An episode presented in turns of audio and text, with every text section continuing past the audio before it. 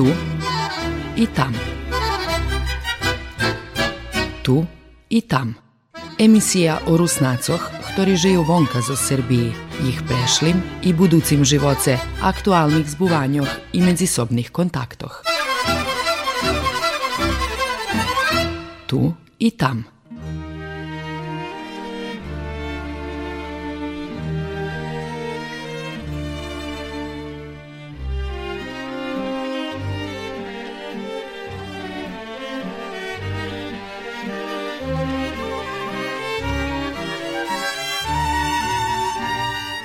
Dobrizeň počitovani sluhače. U nješkajšej emisiji scehodni posluhac rozvarku zoz Melanku Meju Kolbasovu, ktorá na počátku 90. rokoch prešloho viku so človekom mladom i štverima dzecmi pošla do Kičineru do Kanadice ostali židzi robic po.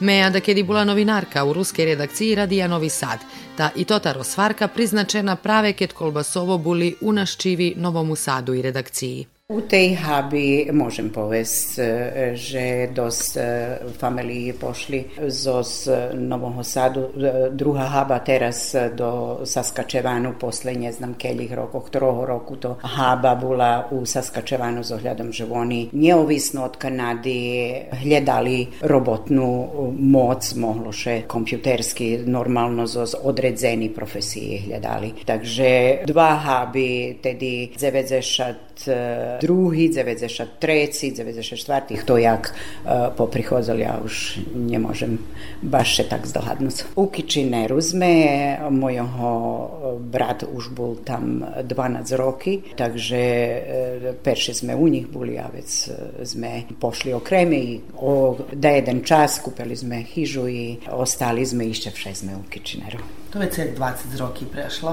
Mm -hmm. Teraz kiče zdohadnjece toho času. Jaki to boli čustva? Boli ste barz vzbudzení, radovali ste še novomu životu, radovali ste še odchodu z tej žemi? Nie, nie, nie. Boli taki časi, kotri za mne, co mne porušalo, bar, jak da povem, nemalo opravdania toto, co še slučovalo. Ja nečustovala, že že bolo pričini za toto, medzi tým to Haba prišla, my odlučili so štverima decmi, že by sme videli, jak, jak naučiť i jazyk, spoznať jeden globalnejší, bo ja bola ešte, jak som še odala, ja bola u Švajcarskej da z rok i pol. Videla som, jak u Evropi vonka, to bolo 68. 69. rok. A sú služba mi bola, že o, o izvesný period, keď še odam i mali, mal, máme familiju, hej, štvero djeci sme mali, da sme pošli. E, bilo jedino i trimam, že každé, kto pojde vonka, osnovne znať jazyk. My ho neznali, jedino išli sme možda buď na kurs, to dvomešačný tu na Robotnický univerzitet, ale trívam, že nám najčešće bolo pre toto, že sme zvladovali paralelno jazyk, že nam sme museli še pririchtať, či pojsť do banky, či pojsť e, daco okončiť, či telefonská rozvárka bola. Nemohli sme tako i nájsť e, robotu, e, bo rozumljive, že keď bez jazyka, my už keď sme dostali robotu, co nam pomohli našo, i prijatelje, už boli kompjuterizovani mašini. I s pomocu tih s kotrima sme počali robiť, perše šest mešaci mi nerobili. Ale sme neboli zastaraní, pošli sme, zažim sme tu predali dacu, ta sme.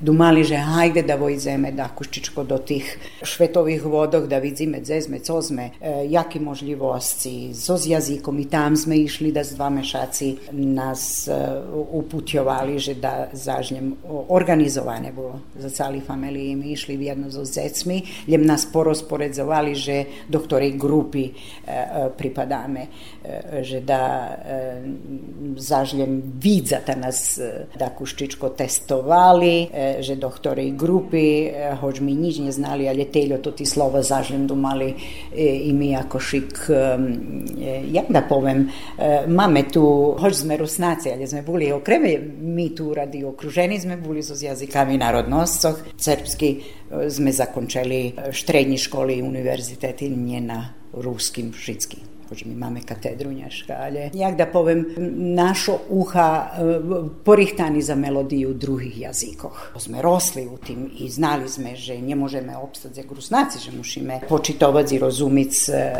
jazyky narodov i narodnostov, co, co sme okruženi. Tak, tak i tam. Da nam pomoglo.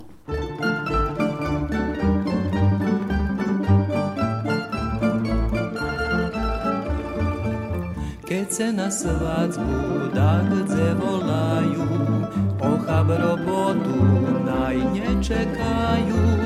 Roboty bolo i vše jej budze, ponáhľaj tance veselí ľudze. Včerajší brigy za krisperinu, ich dagus naj odpočíňu. Daj Bože svatu, či dobre ráno, pozdravkaj širo i naš Jano. Včerajší brigy za Krisperinu, ohavých dakus naj odpočíňu. Daj Bože svatu, či dobre ráno, pozdravkaj širo i naš Jano.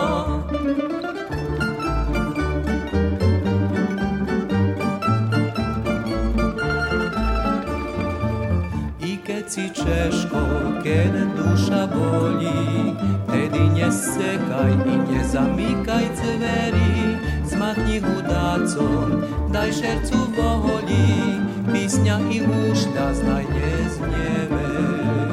Včerajší brigy za Krisperinu, ochavých dakus naj odpočíňu, daj Bože svatu, či dobre ráno, pozdravkaj širo i naš Mejano.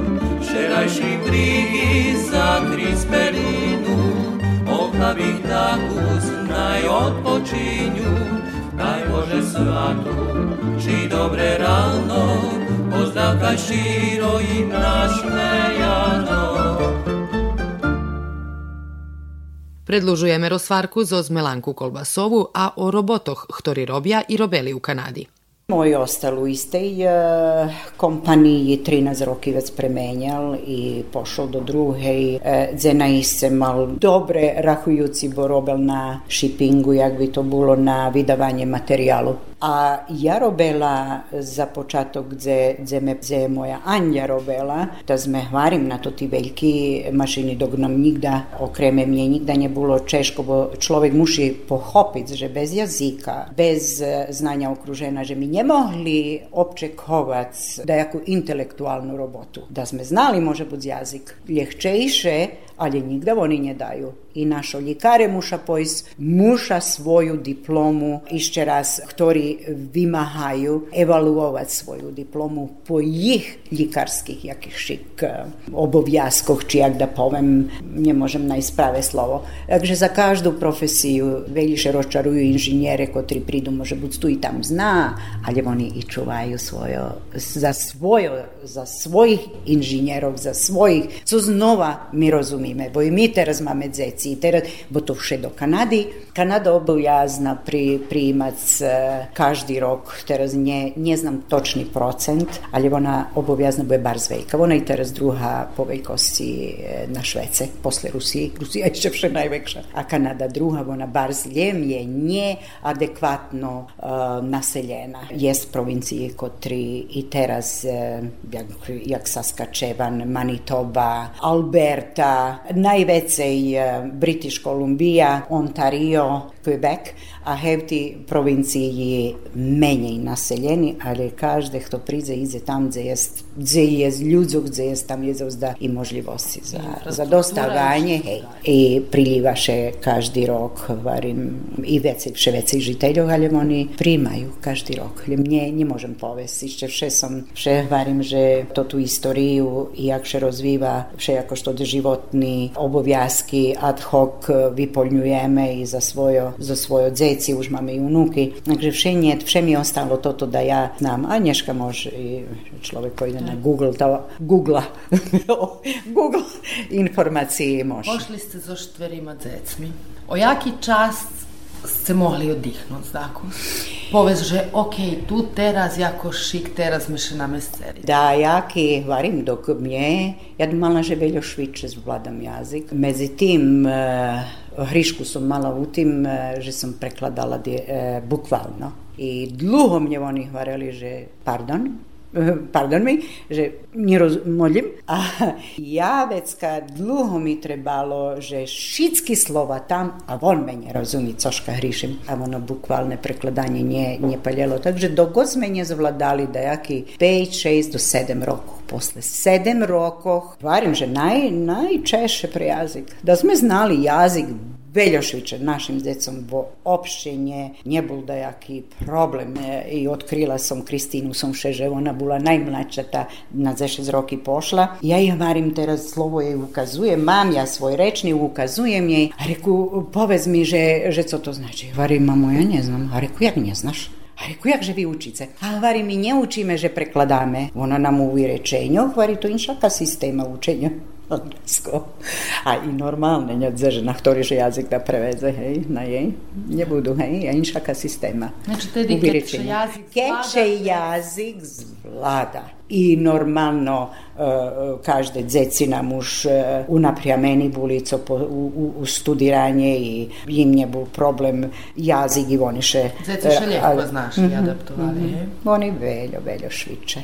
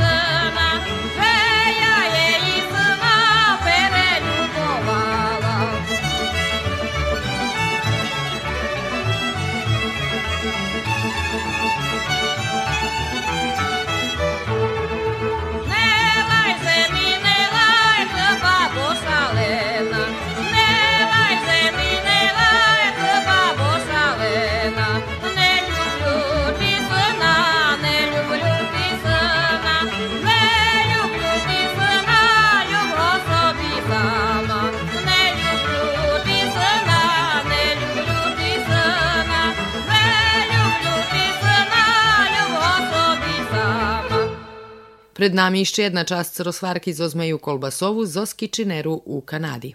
Ja pohopela, že nje treba porovnovati kad človek dagdze.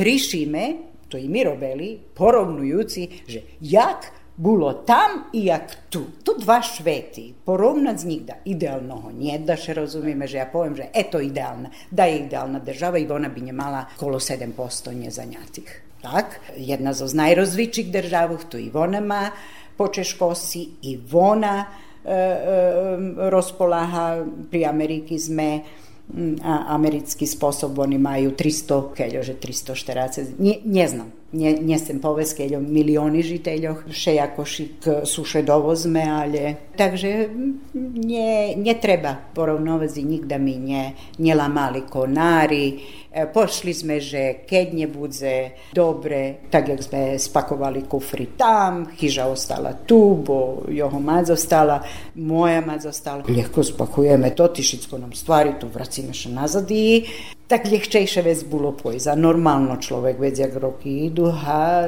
treba nám toto vec nerozdumuje, že ha vracame. Do bolo ľuďov, čo še nemohli. Holiem presto to, že da pove, že ja, jak tam bolo, jak by sme Češko tu my nedumali, tak nie, nie, nie, nie vredno nevredno paraleli jaký, e, bo nikda nie isté. A je také, na, na, co, na co ste še nemohli zvyknúť u každodňovým živote? Cožka, co protiv jednej logiki? Nie. Toto, co som dumala, že mi, e, co som kritikovala i dumala som, že jaké to, jak heľora zvonka na drahu vyšla, nikoho nebolo. Reko, dze to ti ľudze? Ti ľudze robili, to všetko bolo organizované i ja hođi na draže su šedi, oni do auta pošli, na robotu, domu, nazad. Hoď ja dumam, že to i teraz i tužnje nje na teljo bože premenjelo. Ali ja dobila odviti, že i preco to tak. Zo celoho šveta ľudze zo zinšake, inšakoho štretku, zo zinšaku víru, zo inšakim političnim orijentirom Vecka my nemáme, my barz musíme merkovať, že kto co komu povie, že ja teraz budem dať co kritikovať, ale aj, ale on otamac, on, on jeste u Kanadi žije, ale nedá, može buz na toto. Takže mi to nerušali. Tam mi vše bolo, že to ti Kanadžani nič im nebriga. Oni tak, tak môžu obstať, bo oni majú zo celoho šveta ľudzoch. Takže ani po víri, ani po političným, ani ni po čím nešmeši nikoho, ani uvrediť, ani prevolať. Vaše družstvo,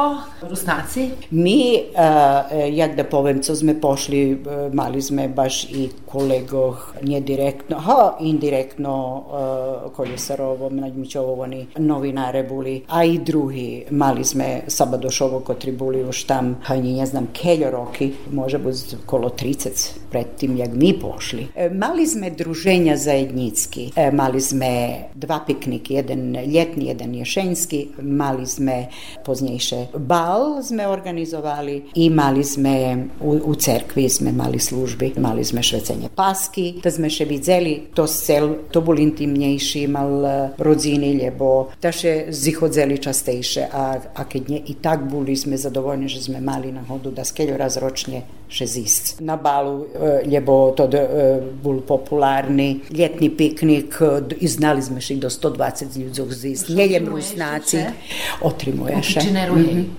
hej hej. Nie znam nie w Szadzi tak gdy... a prihodza zato że u Kičineru najvecej žiju žije e, rusnacoh posle Saskačevanu zato tam mla, haba mlačih kotri, bo mi už všetky poprichodzali so zecmi, dok to prišli mladi, kotrým še zeci rodzeli i tam u, nemam točný podatok, ali. Probovali sme zaviesť dajakú, dajaký adresar, popisovali sme, ale všejako šik. Nemám, nemám toto konečné som nezvedlo, to neznam, neznam to tí habiše menjajú, prichodza zo Saskačevanu teraz tu, do Ontarija. Mladi, neznam, hovorím, nemám točný podatok. Jak často prichodzíte? E, ja nemôžem, so teraz 9. raz. Nažalj, bolo, perši prihodi boli, keď mi mac bola chora, već umarla, nažalj. Na chovanje me čekali, dva hodiny mi došli bodzeli da ju vidim, taki žalosni, već barže jak mi došle bodzovalo, ja vše ljubela, ja ljubela pris. To také ja god balans napraveni pomedzi e, materijalnim i duhovnim. Poneže mi obi dvoje otac i za rusku hižu, mojak producent. Jak da povem, kedi god sme bešedovali nas dvojo, ljebo so s prijateljami, to bilo tu. Bilo u matki, gdje sme bili aktivni jak tinejdžere, ljebo tam sme zo zdumkami, bo ne možeš beše dova zodačima, ali še vidiš osobi u, u tim o beše duješ i dzeši. To bilo u matki, to bilo u Novim Sadze, to bilo u Keresture na Červenoj ruži, to bilo tu u radiju. I tak normalno, e, že e, nič to nie zbljadlo, vibljadlo. Može bus da sme bili izo s drugima pobrani, bez bi ani tema nje prihozela tota, bez bi nje bilo, bilo biljem generacijski, može bus dalje. Mi vše obnavljali i vše nam bilo milo prizio, provadzic to, to, to, e, že da mi nje sekli od toho, mi pošli, ale sme nezabuli. I nie tak, že, že človek banuje, ale je ljubi. Jak se ljubi svojoj rodzini, prizopatriť svojich, da tak i prijateljsko treba.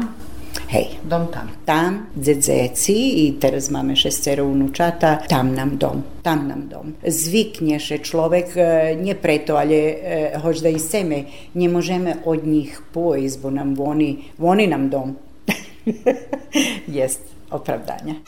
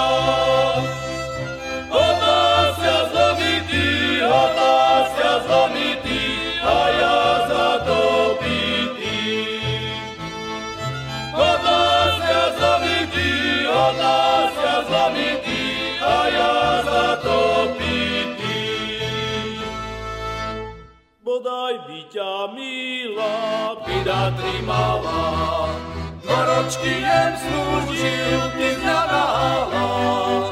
Ja jem rukoval, vydostiem ti sluboval, a na druhý ročok druhú pohľadal.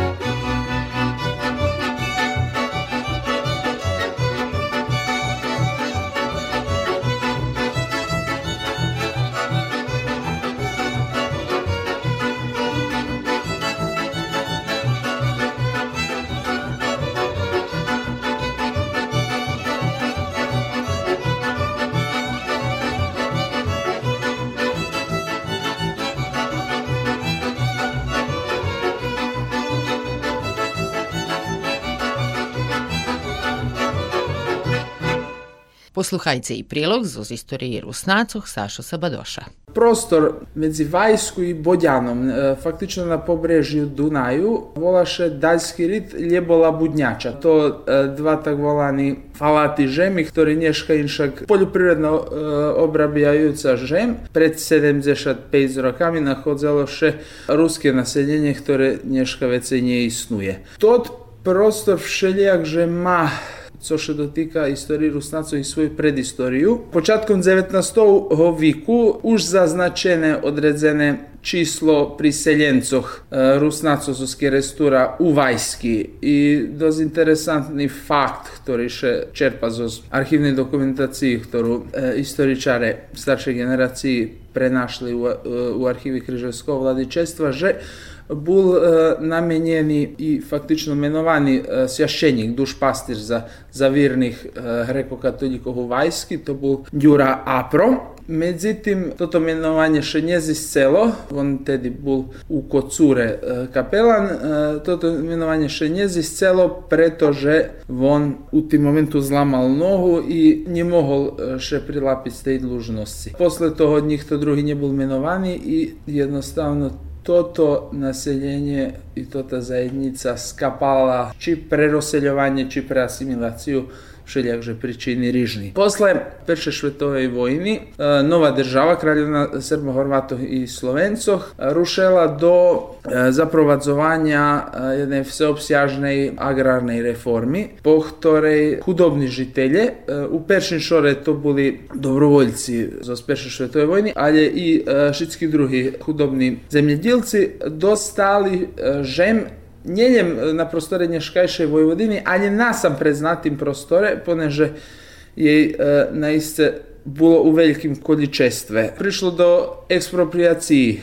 žemi od velikih majetnikoh i konkretno tot prostor kolo Dunaju i Rički živi vžati od Srpske pravoslavne crkvi i dodzeljeni vece zajednicom među ktorima i Rusnaci. Tu, tu še nahodzeli daskeljo naseljenja. Tu še napriklad nahodzelo uh, i naseljenje uh, Srbov z, z Valalu Stapar pri Zombore. Vec, uh, tu bol jedan jeden val, ktorý sa volal Nikolajevo. Tu boli naseljeni vybeženci zo z Rusiji, to bližej k valalu Bodjan. Međutim, nedaleko od Vajski tu formovane ruske naseljenje, na jednime se še vola Daljski rit, na jednim še vola Labudnjača. Tu všelijak treba spomnuti, že то не было великое население, то были доскелі зашатки обіця. Мedzitим э, формований якийсь друштвений живот, почала ще одвівати настава за школярох, вибудована одна капліця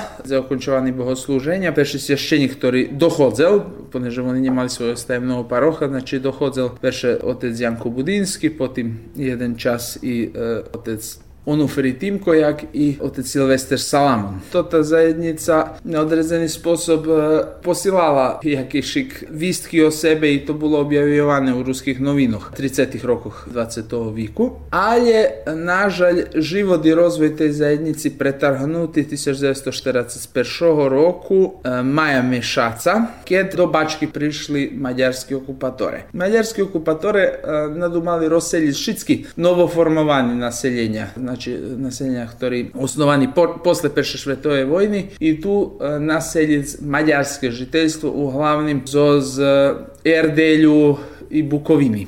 Serbi, poneže to uglavnim boli žitelje, ktorí skorej 1918 roku nežili u Bačkej i samim tim tako i straceli pravo prebúvať u Bačkej, oni boli uglavnim internovani do, do Lagroh, lebo posilani do Nedičovej Srbiji, a Rusnáci še faktično vraceli do ruskog restura. Poznejše jednostavno pre nje nepoznati pričini še nije ziscela rekolonizacija toho naseljenja, ali je slučajno še da su calkom inše rusnacija agrarni interesenti Zaš posle druge švetove vojni dostali že mljebukeresturskim, mljebukulskim hotare, da jedni až iz ostih, ktorí žili u, u daljskim ritu, dostali kolonizaciju u Novi Morahove. Hoć bula namira nie formować zajednic Suny i Morachowe, ale e, zabrać z miasta wygnatych Niemców u Weprowaczu, odnoсно Nieszkajszym Kruszczyciu, ponieważ już e, jedna część e, Rusnaców tam przeprowadzowała koniec II światowej wojny. E, między tym e, to na końcu nie było ze sceny i ruszyło się do, no, do, do niesigurno, ale na końcu Кельотелю успішну колонізацію нового Рахова. Слухались це емісію, то і там. До послухання. Tu i tam. Tu i tam.